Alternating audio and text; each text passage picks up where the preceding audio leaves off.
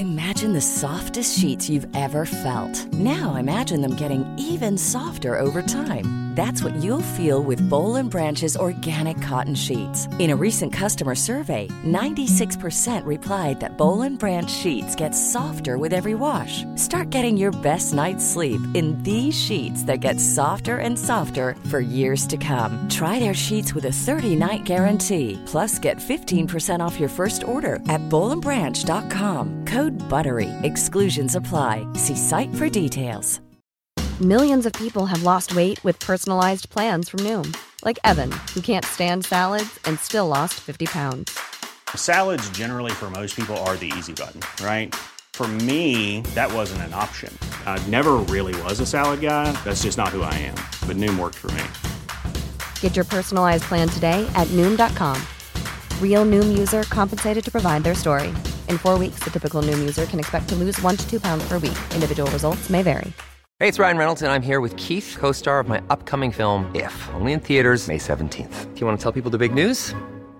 All right, I'll do it. Sign up now and you'll get unlimited for $15 a month in six months of Paramount Plus Essential Plan on us. Mintmobile.com slash switch. Upfront payment of $45 equivalent to $15 per month. Unlimited over 40 gigabytes per month. Face lower speeds. Videos at 480p. Active Mint customers by 531.24 get six months of Paramount Plus Essential Plan. Auto renews after six months. Offer ends May 31st, 2024. Separate Paramount Plus registration required. Terms and conditions apply if rated PG.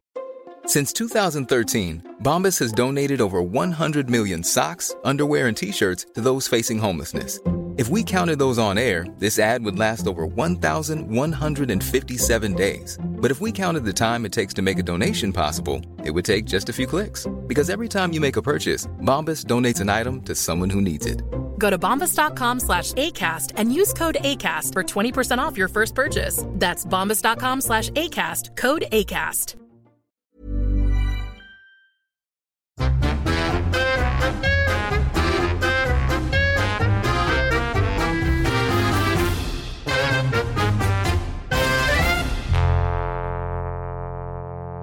Och välkomna till podden Inte din morsa. Vi är inne i 2023. Hur har det börjat tycker du? Jag tycker att det har börjat bra. Jag tycker att det var en lagom eh, festlig nyårsafton. Jag tror det är alltid bra att ha balans. Det är mitt nya Det var absolut inte balans. Jag har gått från storhetsvansinne. Storhetsvansinne, hur gick det? Men de har till exempel tagit en sån historiskt eh, känd eh, person som Rosa Parks. Hennes storhetsvansinne var ju ingen liksom eh, bombastisk historisk händelse egentligen. Det var ju bara att inte vika ner sig för rasistiska liksom, samhällsströmningar utan bara säga när en vit människa kom och sa jag ska ta din plats på bussen så sa hon nej det tänker jag inte gå med på. Mm. Och det förändrade ju historien. Så jag tänker att storhetsvansinne behöver inte vara liksom Elizabeth the third. Det behöver inte vara Napoleon. Vi landar ju ofta i Napoleon och när jag körde hem från Åre så lyssnade jag på en dokumentär om Napoleon. Och det är ju mannen som har givit uttrycket storhetsvansinne ett ansikte. Jag kan varmt rekommendera den dokumentären. en liten, liten kort kropp. Ja, liten, liten kort kropp och stora drömmar eh, och en så här Eh, Böling enstöring som sin lågadel då till trots ändå tar sig upp till eh, kejsarkronan så att säga. Och att hela hans liv handlar om att eh, härska genom olika typer av så här makt... Eh, Ja, ja, men han, han, hans storhetsvansinne, det är, det är inte det du strävar efter tror jag. Nej, men jag tycker att... Det verkar jättetråkigt att bara få ligga i krig med mänskligheten och kräva sin rätt och sådär.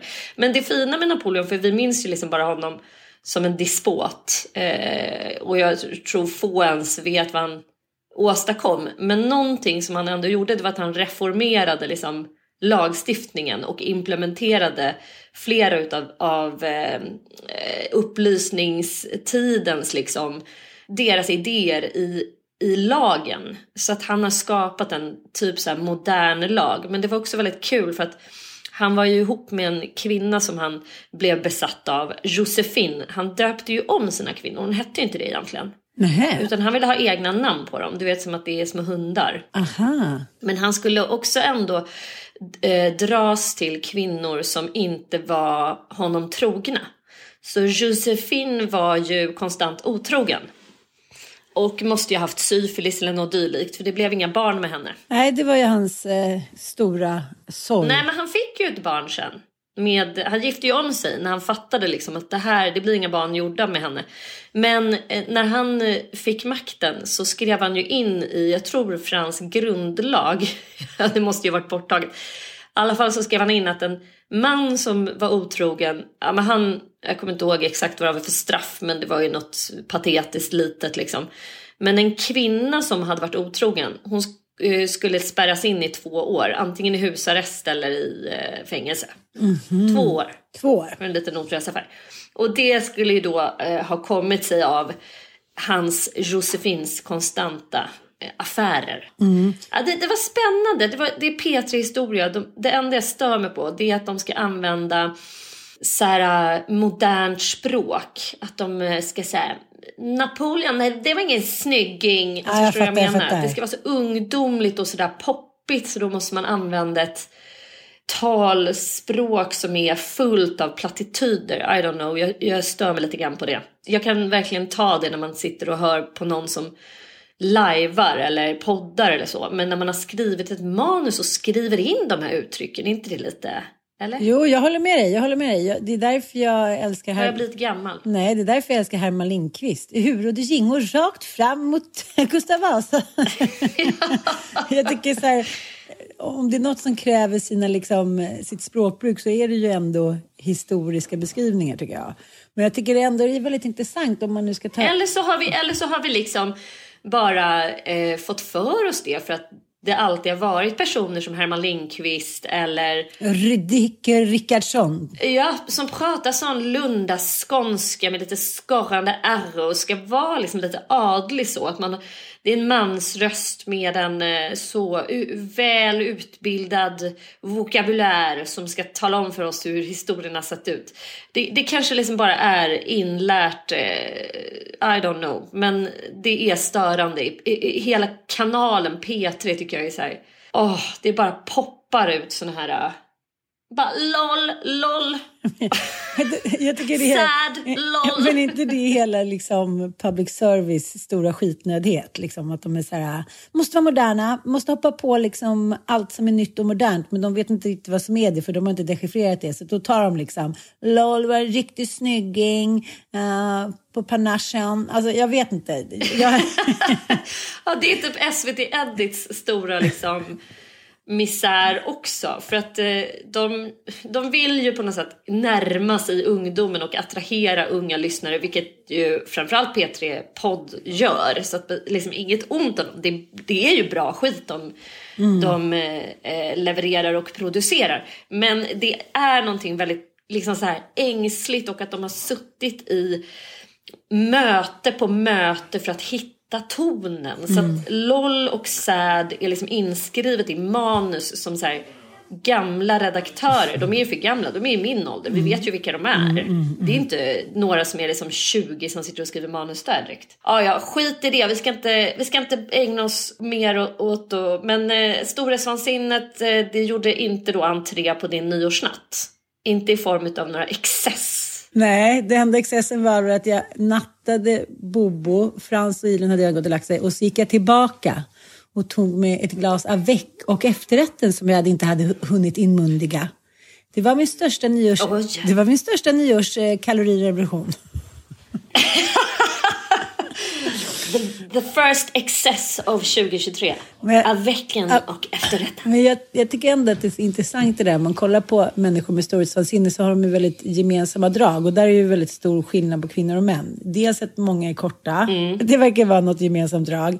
Och dels att de liksom inte är födda i landet. Och är de födda i landet så är de födda av någon förälder som kommer utomstädes ifrån. Att det är så här, det, det, Man ska inte underskatta den där känslan av att inte tillhöra 100 Höra till. Nej. Jag tänkte på det när Jens Lapidus, eh, jag tror han skrivit en artikel, eller jag hörde i alla fall någonting han berättade om jag hade skrivit, där han sa så här, eh, alla tror att det handlar så jävla mycket om stålar. Alla de här gängkrigen, att som att de här unga killarna, de vill ha cash, de vill ha para, de vill liksom, de vill glassa feta grejer, men det handlar bara om heder. Ja, och det handlar om att höra till. Har du hunnit läsa den här kriminalitet som livsstil som vi hade i ett av våra utbildningsblock? Ja, det har jag gjort. Ja. För er icke invigda, jag och Ann läser ju till anhörigterapeuter och eh, där har vi haft ett block om just kriminalitet, att det också kan vara ett led i ett beroende, alltså att man eh, kriminalitet erbjuder ständiga kickar och en eh, skenbar gemenskap Mm. och att gemenskapen med sina så att säga likar, att få ett värde och det här som vi ofta landar i kassamkänsla av sammanhang, att det är den viktigaste drivkraften. Eh, och heder är ju liksom en, ett led i det. Att man får ett värde, att man har ett värde eh, för den här lilla ingruppen eller vad man ska säga. Och det är den absolut viktigaste parametern och sen så är ju liksom pengarna där inne är ju Alltså de behandlas ju extremt vårdslöst oftast. De kommer och de går så att säga. Men det viktigaste är att ha en plats i den där gruppen och att klättra i hierarki och att bli så viktig så att man inte vill göra sig av med en på något sätt. Men jag tror att man, man tar ju så jävla mycket för givet också att man tillhör för att man är född i ett land. Jag tänker, det, det är så stor skillnad på att komma till ett land och komma dit ja, och liksom förstå att det här är inte jag. Jag har en annan kultur, men jag kan ta del av det här. Jag har föräldrar som eh, som fortfarande liksom lever efter våra gamla liksom, eh, kulturdeviser, bla bla bla. Men så kommer den generationen som har föräldrar som har fötts i Sverige. Och som då liksom förlorar det här lite på vägen. För så är det ju alltid i generationer. Nästan alla, det finns ju undantagsfall, ortodoxa judar och massa andra. Men, men det är klart att allting trubbas av på vägen. Jag har inte riktigt lärt mig språket, så här, det blev inte så. Mamma och pappa pratar svenska med mig och sådär då måste man känna sig så otroligt liksom eh, det måste vara så många olika motstridiga känslor för man är inte en del av det där gamla på samma sätt. Man känner att man är en del av det nya men man tillhör ändå inte. Det måste vara jobbigt. Ja, så storhetsvansinne är fortfarande kvar. Men, men mi- min take på storhetsvansinne med kvinnor är att det går inte att ha en snubbe. Snubben måste verkligen ta ett steg tillbaka. Och i de allra flesta relationer så funkar det ett tag när man är nykär och tänker så här, jag offrar allt för den här personen. Eh, läs Victoria Daniel, eh, läs eh, Queen Elizabeth, bla bla bla. Men eh, det, det är min take att som storhetsvansinne, eh, kvinna med storhetsvansinne så måste du antingen bara ha liksom en snubbe som är beredd att ta ett steg tillbaka och då får du räkna med att det blir mycket liksom, konflikter. Eller också får du köra älskare. det går inte att gegga in med liksom allmän... Alltså det går inte att lägga, kärleksrelationer är det som förstör för alla tror jag med storhetsvansinne. Ta Karin Månsson, Frillan, även när man läser Josefins och eh, Napoleons kärleksbrev så du vet han är så kär så att han kan ju typ inte sitta stilla med sin lilla pille. Det är liksom han är så kär i henne så att han... Han blir helt galen, Ja. men hon, hon jobbar ju också med den klassiska metoden gaslightning och avvisning. Mm. Så han ligger ute i krig och håller på och klättrar i graderna och ser som sin livsuppgift att skapa dem någon slags högadlig eh, status. Mm. Medan hon är hemma och är otrogen och typ inte svarar på hans milslånga kärleksbrev. You go, girl. Varpå han blir You go, tokig. Måste, Stor, undrar vem det var som hade storhetsvansinne egentligen. jag, jag måste ge fransyskorna alltså. De har inte legat på latsidan. Nej, de har uppfostrat oss alla. Mm, det har de. Några som inte heller har legat på latsidan, för att byta spår här lite grann. Eh, jag kan säga att jag hade en okej nyårsafton. Det var ingenting som gick till historien. Vad gjorde du då?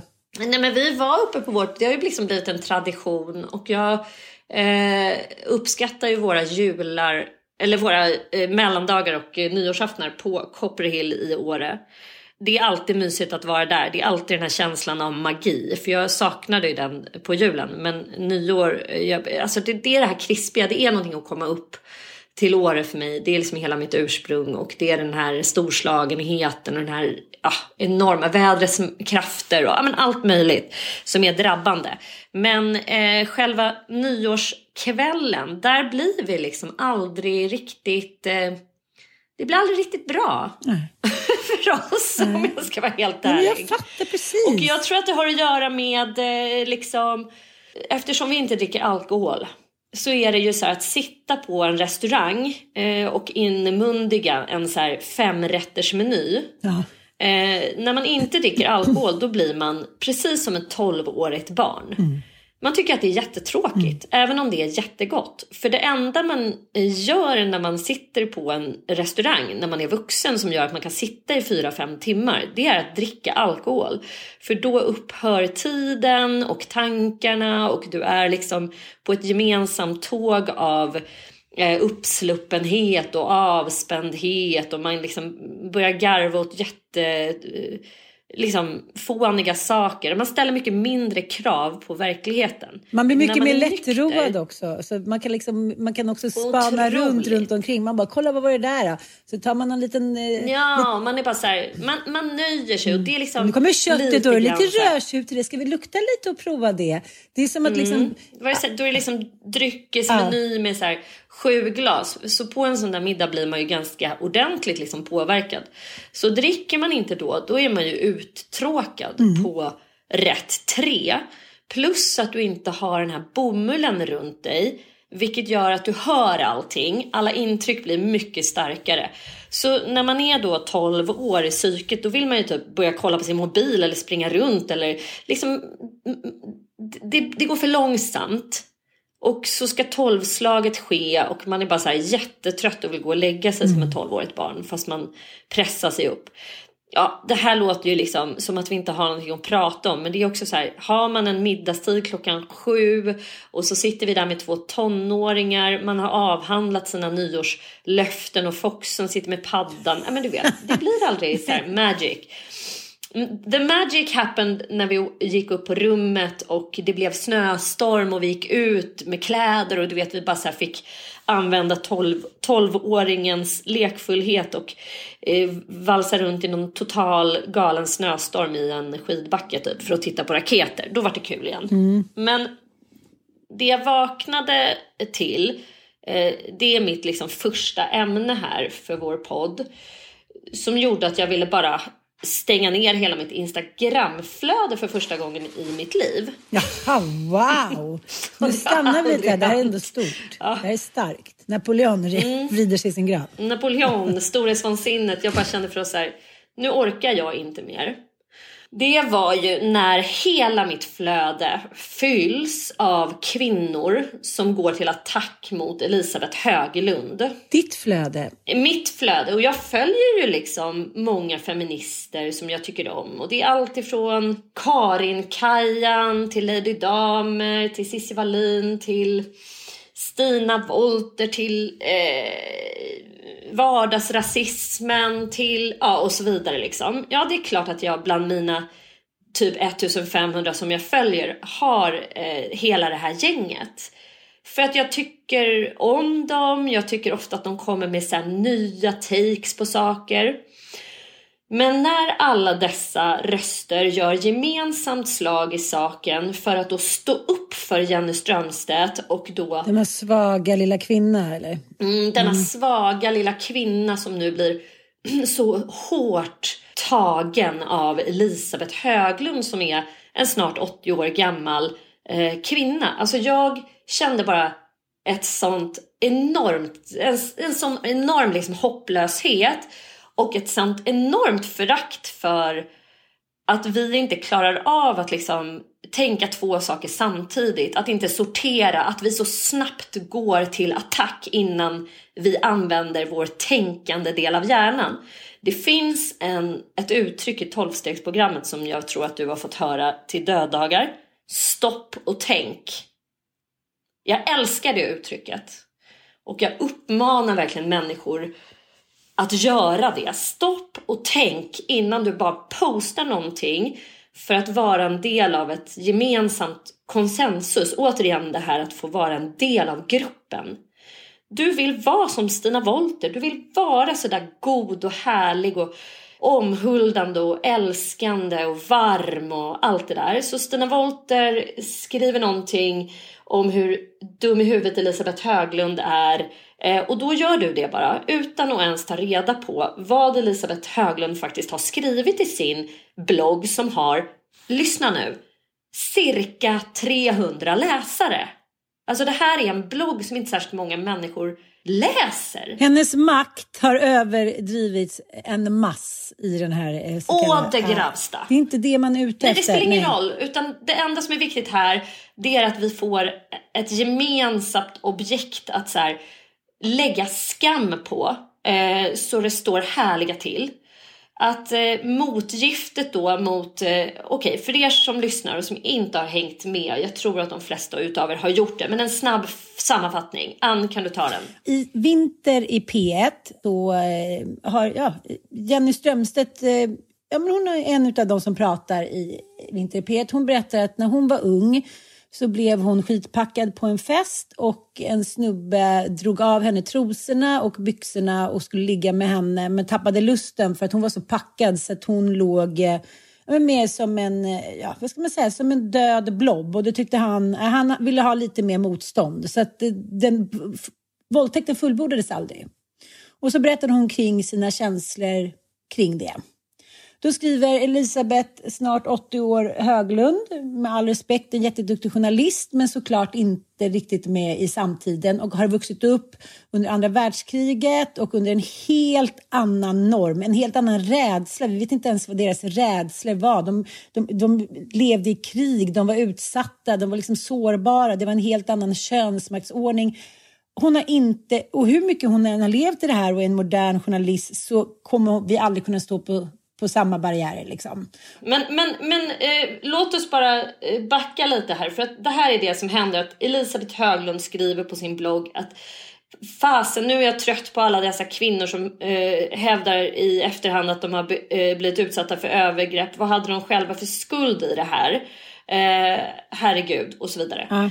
Och det här har ju då eh, som sagt eh, konsensus eh, feminister rasat mot. Och alla så här, alla, eh, Nina Rund. Lisa eh, Magnusson, ska man ha burka nu? Ska man aldrig gå. Mm. ut? Alltså det blir sådana accesser. Det är så här, jag älskar Lisa Magnusson, men den här gången tycker jag inte riktigt hon liksom eh, nailar det. För att hon raljerar bara istället. Ska vi sluta gå ut nu? Ska vi ha burka? Eh, ska vi liksom aldrig prata med karlar? Ska vi bla bla? Om vi ska vara helt ärliga så är det ju inte det Elisabeth Höglund säger, även om jag har svårt med det här att hon ska använda ordet skuld. Det är väl där hon tappar mig lite. Så här.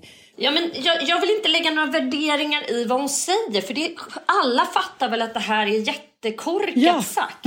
Och att det kommer fel ut. Och så här, kan vi inte bara låta det vara där? Hon är inte Margot. Kan vi, väl, vi kan väl liksom samlas med att Elisabeth Höglund har cirka 300 läsare på den här bloggen. Alltså, hon har ingen, hon är inte ens yrkesverksam längre.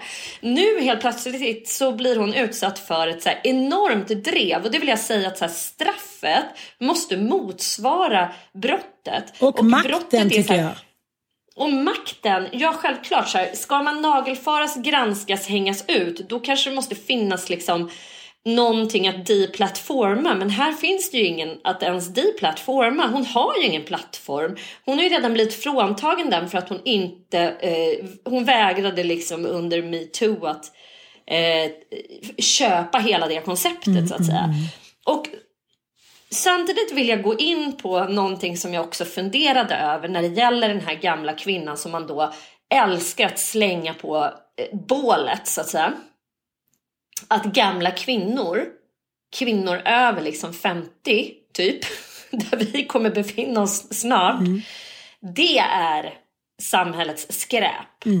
Och jag, det gör mig så ont att så här fellow feminister bara direkt ska kasta sig över en så här 80 år gammal kvinna och eh, bete sig så här mot henne. Man, har, man hade inte ens behövt namedroppa henne tycker jag, jag, jag vilket alla gör. Alla bara så här, ingen tänker utifrån ett journalistiskt perspektiv här utan alla bara går rakt in i att kasta sig på så att så här, unga feminister som kanske inte ens vet vem, vem den här gamla kvinnan är bara går in och så hatar på henne och sprider det här vidare och skärmdumpar på henne och hennes knasiga frisyr som, har, som det har hatats så hårt igen. på. Nu är liksom utseendet igen. Och åldern. åldern och hur gammal hon är och hur förlegad hon är och så vidare. Det här gjorde att jag bara fick en sån här hopplöshetskänsla. Ska vi bedriva den här feministiska kampen så kan det inte gå till på det här sättet. Det kan liksom inte fortsätta att bara så här eh, lyncha människor som tycker eller tänker eh, fel då.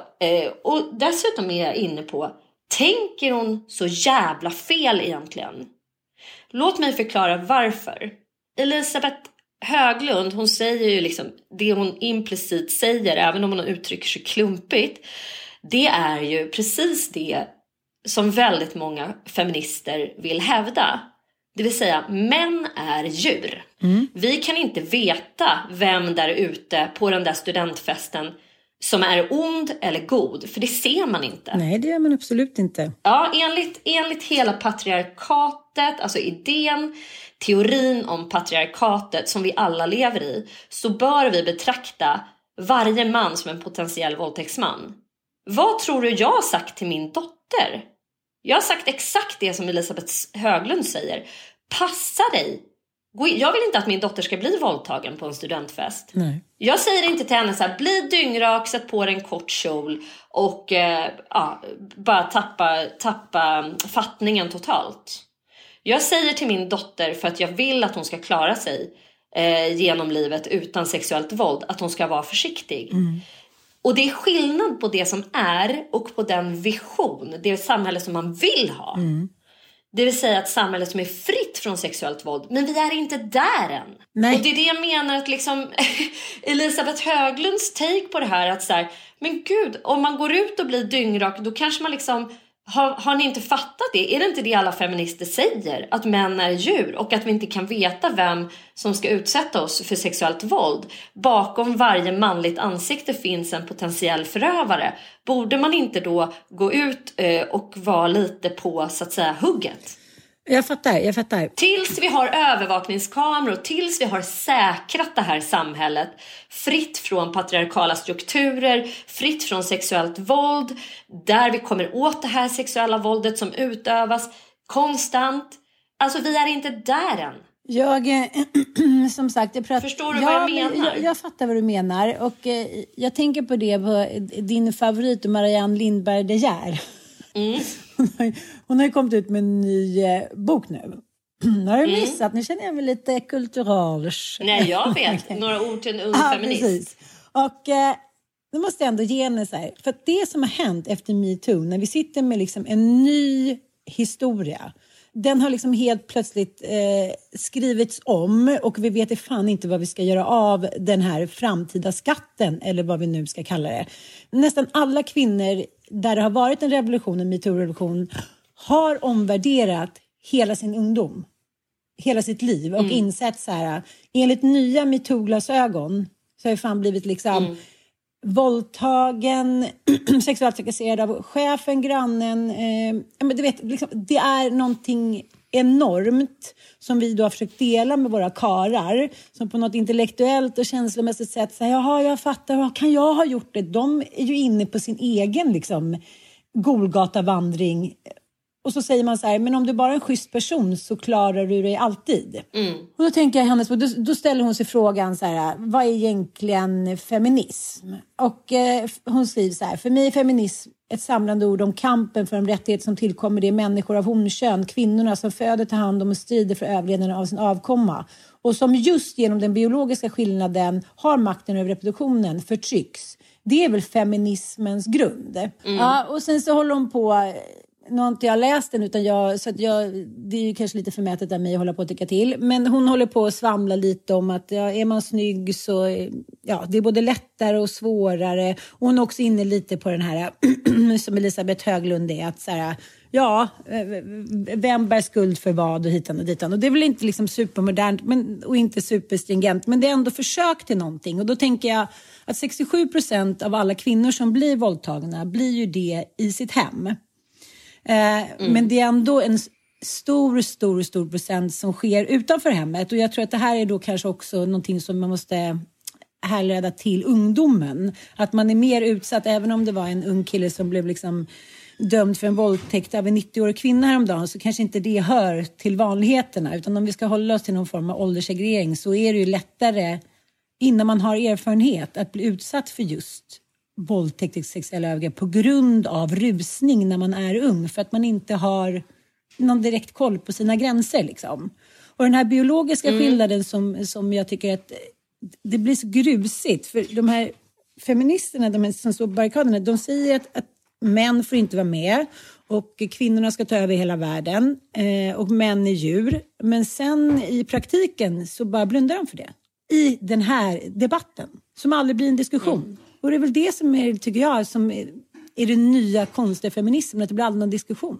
Det blir bara en debatt med ja, ensidig liksom, blir, skott. Ja, eller det handlar så otroligt mycket om att så här, peka ut olika människor som på något sätt ska få stå eh, skampåle. Och det värjer jag mig emot. Att vi inte kan få ha olika typer av feminism.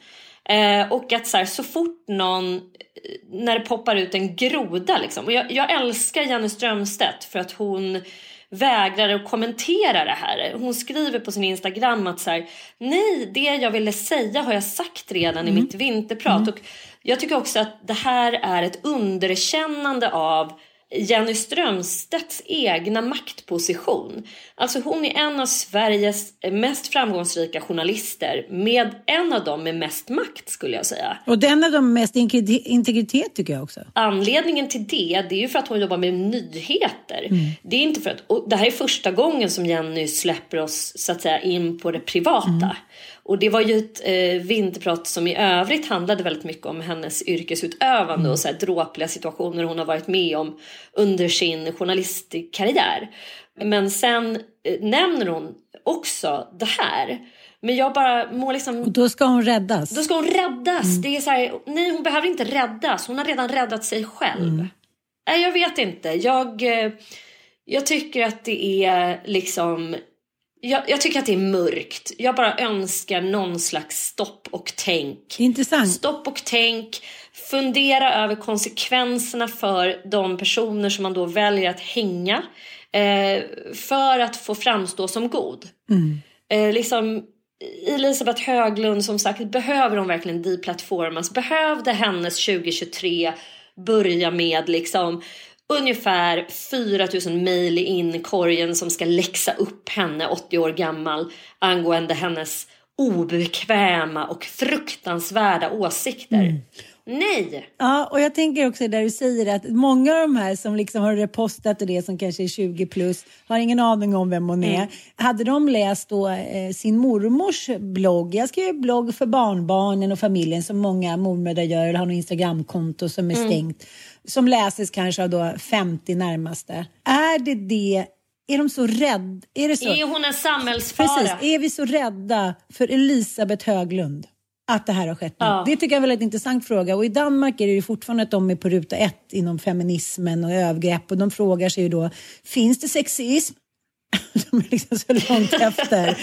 Och jag känner så här, kanske way to go. Tillbaka till ruta ett liksom, vad, är, vad är sexism? Vad är biologi? Vad är vad? Istället för att det finns liksom 10-15 kvinnor i det här landet som själva är, har sån hög acceptans för kropp och mm. själ och utseende liksom, enligt sina egna konton. Och sina, men sen när någon annan, gammal tanta Lora som, liksom, som, redan, som, som redan är nerputtad, från, liksom bortskrumpad från maktens korridorer för att hon just har fel åsikter det var så att den ena gamlingen efter den andra som inte liksom tyckte exakt. Ja. Och varför tror man det då, att de inte tyckte exakt? Alltså det är väl mm. det som är hela frågan. De, de vågade och det var så här, deras stora dråpslag att så här, Oj, nej men du förlorade jobbet. Hej då, mm. vi kan inte ha dig nu för vi är en vinstdrivande tidning här. Mm. Så just nu måste vi följa liksom trenden här i åsiktskorridoren oh, jag mår, mår, illa av det och jag, eh, ja, jag skämdes liksom å kvinnlighetens vägnar där dag tre på det nya året. Men eh, jag har inte raderat mitt Instagram, men jag har heller absolut inte repostat någonting eh, kring det här caset och jag bara kände starkt för att det man ska göra i såna här tillfällen och som jag faktiskt eh, gjorde och det kan jag varmt rekommendera, det är att göra en rensning av sin följ, alltså vilka man följer. För att eh, vi lever ju alla i små bubblor, i små åsiktsbubblor och jag kände så starkt när liksom bara i hela flödet fylldes av det här att nej, jag är i en åsiktsbubbla. Jag måste liksom ut ur den nu. Jag måste hitta andra sätt att se på världen. Jag måste liksom hitta andra take mm. eh, på världen. Mm, så kände jag. Jag kände lite också så. Därför kontaktade jag då en livscoach igår.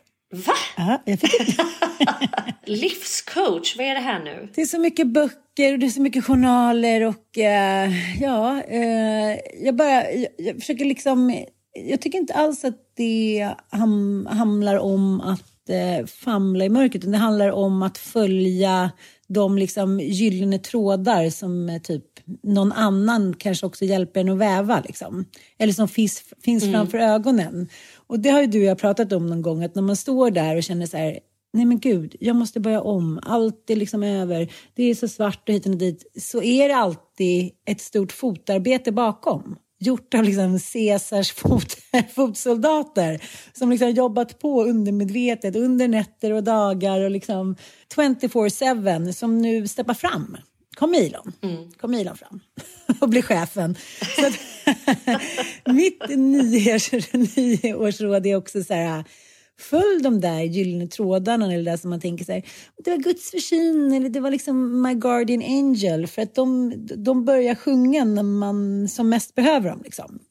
Och då fick jag ett tips av en eh, följare igår som var så här, hej jag hörde i din senaste podd att du säger gör en soul searching typ. Och eh, då skrev hon, den här kvinnan gick jag till.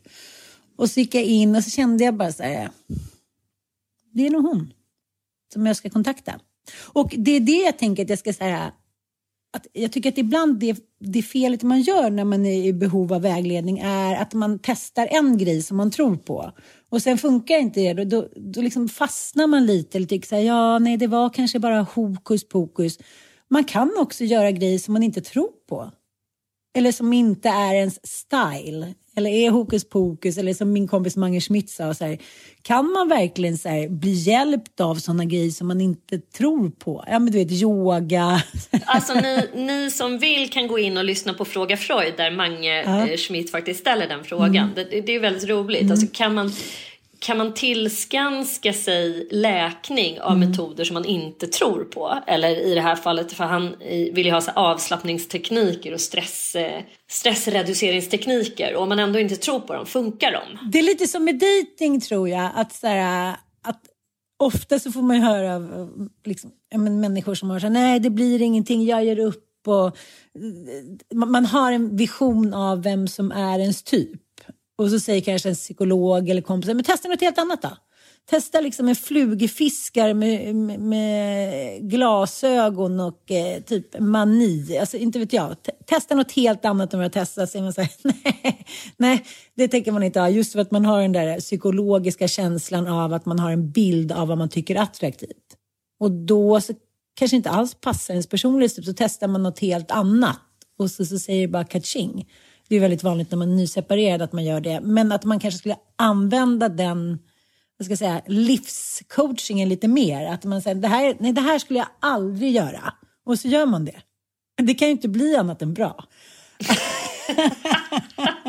Eller så blir det skitdåligt när man har roligt på vägen. Men, men eh, spelar roll liksom. Och eh, du och jag som har pratat så otroligt mycket om anknytning som vi båda är så inne på. Och eh, jag menar vår älskade eh, holistic psychology som hon tar upp lite för mycket hela mitt liv nu tycker jag. Så nu såg jag en reel av henne i morse som handlar om hur man ser på barn som är bråkiga. Mm. Eh, ska vi lyssna lite på den då? You had a tantrum because I told you to go to bed is a great example. You talked back and kicked and screamed. You're bad. Can I give you some insight into my behavior rather than you thinking of me, a six year old, as bad? Sure. Okay. So when I'm having a tantrum, I'm in sympathetic dominance, meaning my nervous system is dysregulated. Because I'm not old enough to self regulate, these tantrums are attempts at me getting connection from you. I'm actually hurting inside and looking for support to understand what I'm feeling. This happens at bedtime often because I'm going to be separated from you and my attachment system is activated. I feel like you're just being a brat. I know, which makes you not able to soothe me and bring my nervous system back to a parasympathetic state. So the first thing you could do is to understand that when I act out, I'm struggling emotionally, not being a brat. If you view my tantrums as needing your connection, then maybe we could take some deep breaths together and your attunement will help my own nervous system calm down. Instead, You punish me and yell at me during tantrums, which only creates more sympathetic dominance. Make sense? My nervous system state matches yours. Jeez, yeah. Jag tycker att det är samma sak här, precis som du säger. Så här, kan vi bara lyssna på eller förstå och ta ett steg tillbaka och se vad som händer i oss? Mm. Och, och, det tycker jag, det är det som jag är så intresserad av inför det här året. Att, vad är det jag reagerar på egentligen, som alla de här feministerna, som jag tänker, om man tar till exempel ja, Stina Wolter som har skrivit en bok om eh, sin erfarenhet som överviktig. Och så får hon mothugg av massa läkare och forskare och säger så här, eh, ja, det, det, är klart att ni kan skriva om känslor, men det ni skriver finns inte beforskat. Och det är farligt. Mm. Och det kan inte hon ta. Utan det tycker hon att hennes evidens är att hennes följare har skrivit till henne kring sina känslor av övergreppande kring sin vikt. Mm. Så jag, jag, tycker att det är väldigt mycket, det är väldigt mycket dubbla känslor som, liksom, som man svarar i affekt hela tiden. Och det, det, hela metoo var ju så. Och det leder ju inte till någon direkt liksom, skönare atmosfär. Nej men det, det leder aldrig till någon skönare atmosfär när människor inte klarar av att diskutera, eh, liksom, när man alltid går in och moraliserar. Det var ju det vi pratade om, eller som jag kände med liksom årets böcker och årets, årets tv-serie i vårt förra avsnitt. Mm.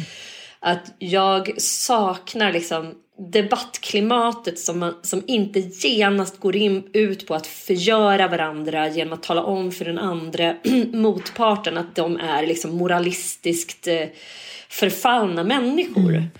Eh, liksom att så fort du inte så här, tycker rätt så ska du skammas med att du är amoralisk, du är psykopat, du är sociopat, du är liksom... Du är osmart. Eh, du ska du är osmart, ointelligent, du är gammal, du är liksom obildad. Man ska riktigt så använda olika typer av härskartekniker. Och den gamla härliga eh, grejen att hänga ut människor. Alltså att så här, det är ju horpall, skampåle och hela den biten. Mm. det verkar inte folk tänka på längre. Mm. Alltså vi har ju ändå de pressetiska reglerna.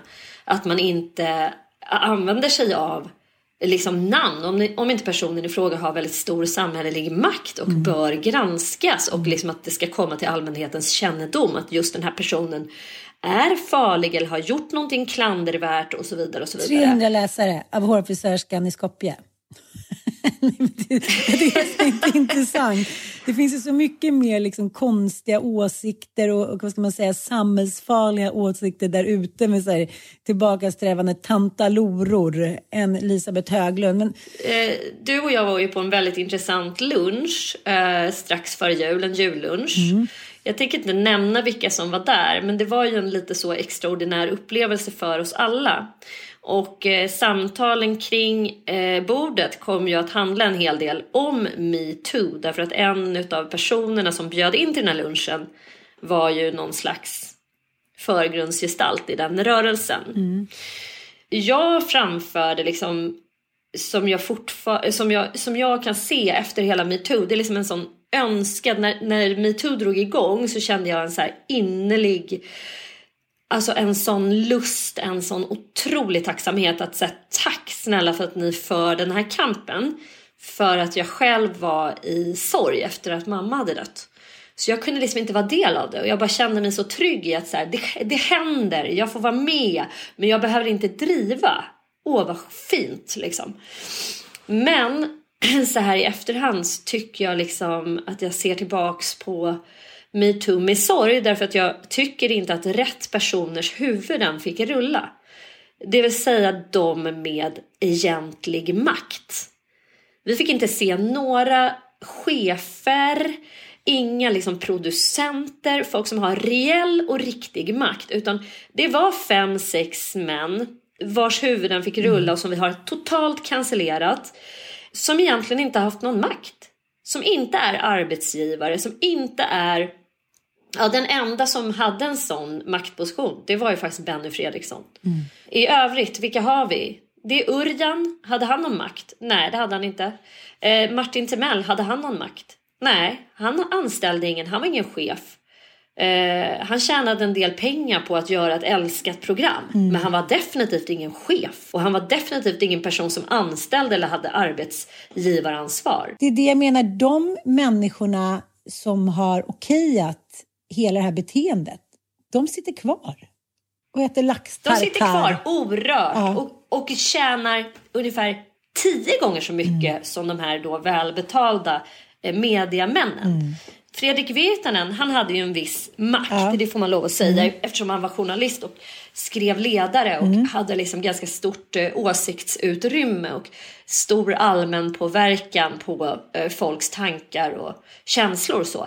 Men han, han var ingen person som hade arbetsgivaransvar. Nej men det här är ju för mig, tycker jag, en gåta att man nöjde sig. Mm.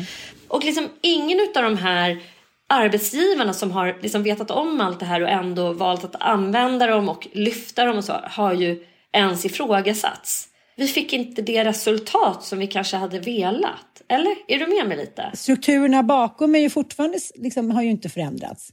För de människorna är kvar på sina maktpositioner. Ja, och vi ser ju det här bara fortsätta pågå. Mm. Alltså det är mammon som styr.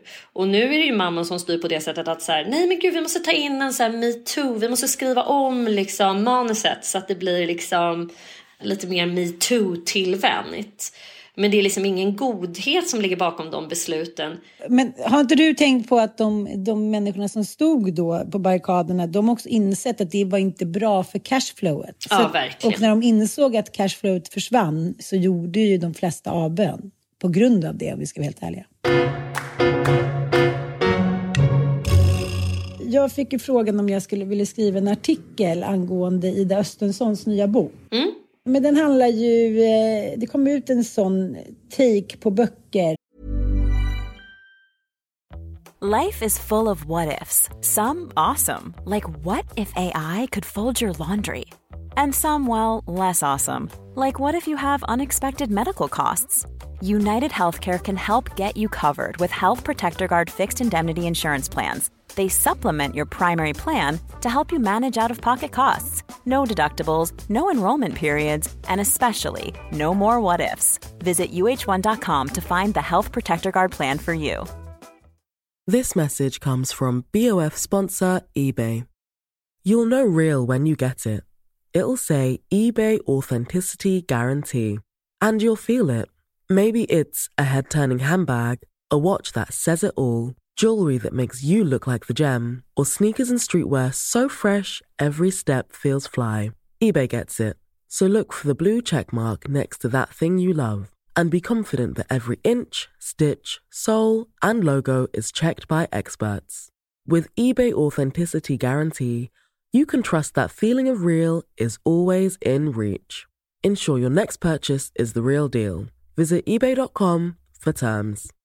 Quality sleep is essential. That's why the Sleep Number Smart Bed is designed for your ever evolving sleep needs. Need a bed that's firmer or softer on either side? Helps you sleep at a comfortable temperature? Sleep Number Smart Beds let you individualize your comfort so you sleep better together. JD Power ranks Sleep Number number 1 in customer satisfaction with mattresses purchased in-store. And now, save 50% on the Sleep Number limited edition Smart Bed for a limited time. For JD Power 2023 award information, visit jdpower.com/awards. Only at a Sleep Number store or sleepnumber.com. Mom deserves the best, and there's no better place to shop for Mother's Day than Whole Foods Market. They're your destination for unbeatable savings, from premium gifts to show-stopping flowers and irresistible desserts. Start by saving 33% with Prime on all body care and candles. Then get a 15-stem bunch of tulips for just $9.99 each with Prime. Round out Mom's menu with festive rosé, irresistible berry chantilly cake, and more special treats. Come celebrate Mother's Day at Whole Foods Market.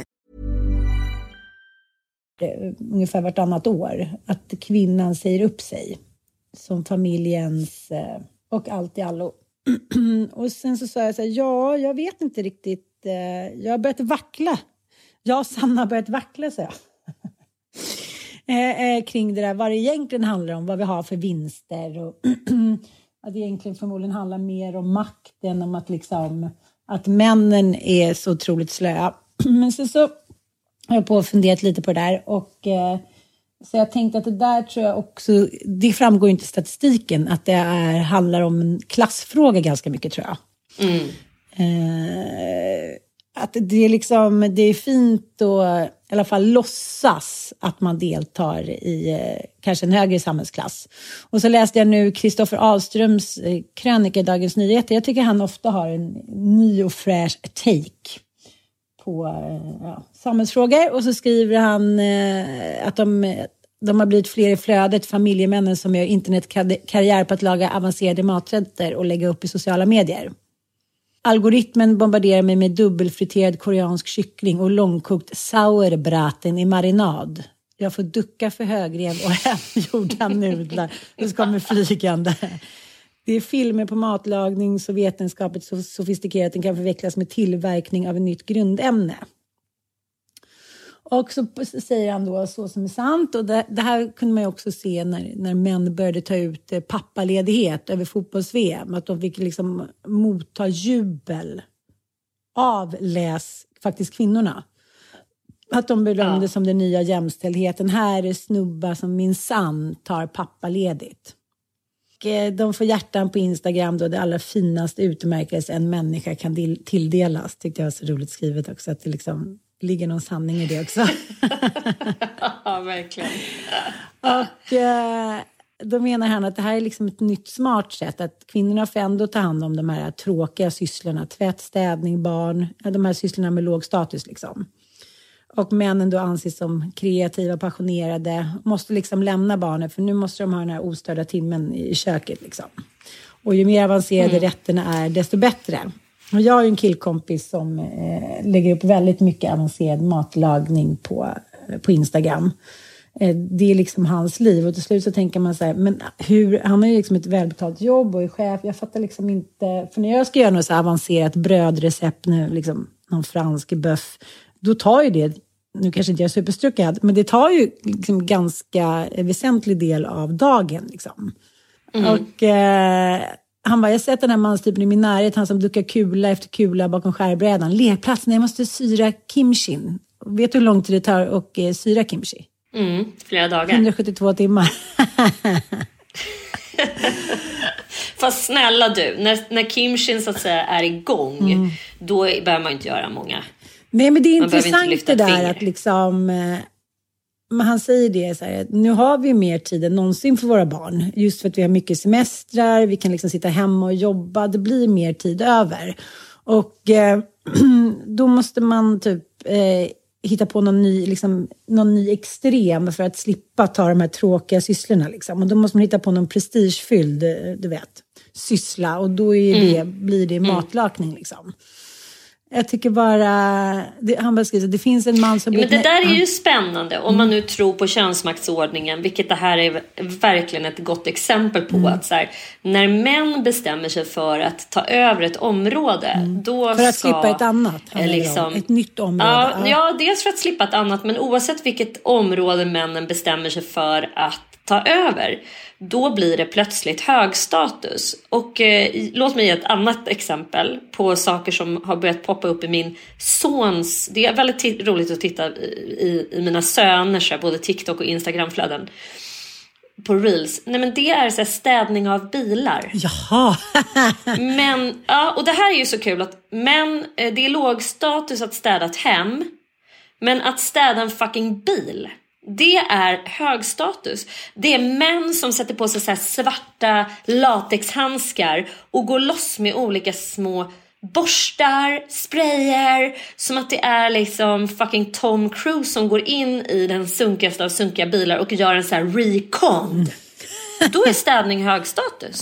Wow. Att städa sin bil, nej men då, det, har du inte tänkt på det att så här, män eh, som går ut, de, det är liksom helt oförmögna att hålla ordning i ett hem. Mm, ja. Där man har en gemensam arena. Men i sin bil, där är det liksom ja, ja. piffat till tusen. Ja, ja. Look at my ex. Det är någonting otroligt äh, märkligt med det och det säger bara allting om liksom hela vår könsmaktsordning tycker jag. Att så här, när män tar sig an en arena då ska det bli hög status mm. och då jävlar, då är det viktiga grejer. Va? Jag tänkte på det nu när eh, Lena Olin blev så extremt kritiserad för att hon hade lånat en, en eh, kapp kappa för 700 000. Kappa. Ah, Ja, snälla skjut. Man bara så här, dels var den lånad, men låt henne stå i den. Det är väl ingen som har undgått att hon tycker sånt där är fiffigt och fluffigt liksom.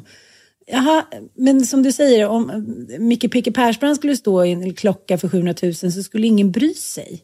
Och det här tycker jag också är lite en sån, eh, kvinnor får inte ha statusgrejer. För då ska de minsann liksom, eh, tryckas ner. Jag tycker Katja Hultberg skriver också det så jävla bra i sin krönika. Hon bara, Margot är en av de här kvinnorna i julfilmerna som liksom tjänar för mycket pengar, inte vill ha barn, eh, konsumerar för mycket snubbar. Då måste de straffas genom att så här, bli ihop med en kille med flanellskjorta som gillar, li, gillar livet. De måste så här, jobba på kyrkans härberge för att förstå att de vill bara ha liksom, pengar. De har förlorat så här, känslan för värdet av liksom, den lilla människan och familjen. Nej men vadå, det, kvinnor, det är 2023, de kanske inte heller vill ha det. Det kanske bara tyvärr är så att kvinnan har blivit lite som mannen och tycker så här, det här tyckte, nej, jag vill inte jobba i kyrkan, jag vill inte ha familj. Jag, jag bryr mig mer om cashflow och snygga eh, Chanel-väskor än om att bara liksom bliva vid min läst. Jobb, jobb insikt för männen. Jag tycker ändå den går i linje med storhetsvansinnet där. Ja. Det är där vi kommer hamna Ja, 2023. ja, jag älskar. Cashflow, Chanel-väska. inte mig emot. Nej, inte mig heller. Jag flyttar ut till herrgården nu. Mycket kan flytta hem hit. Hörni, tack för att ni lyssnar så troget på oss. Vi älskar er och som sagt, eh, vi har ju en rolig nyhet. Vi ska ju livepodda i Sälen. Mm, mycket roligt. Det blev inte under vintern, men Nej, det är ju faktiskt i sommar. De ska ju dra igång en stor ny satsning på cykel, vandring och massa andra roligt och en poddfestival. Där till exempel Lina Thomsgårds eminenta podd Dumma människor gästar. henne hängde med i fjällen. Du hängde med henne i fjällen, kul! Ja, det är liksom så många härliga poddduo-akter som eh, kommer att livepodda där uppe. Och eh, om ni eh, går in på mitt Instagram så finns det en länk i min profil till det här eventet. Så kan ni gå in och säkra biljetter om ni vill. Puss och kram! Puss och kram. Vi ses snart. Hej då!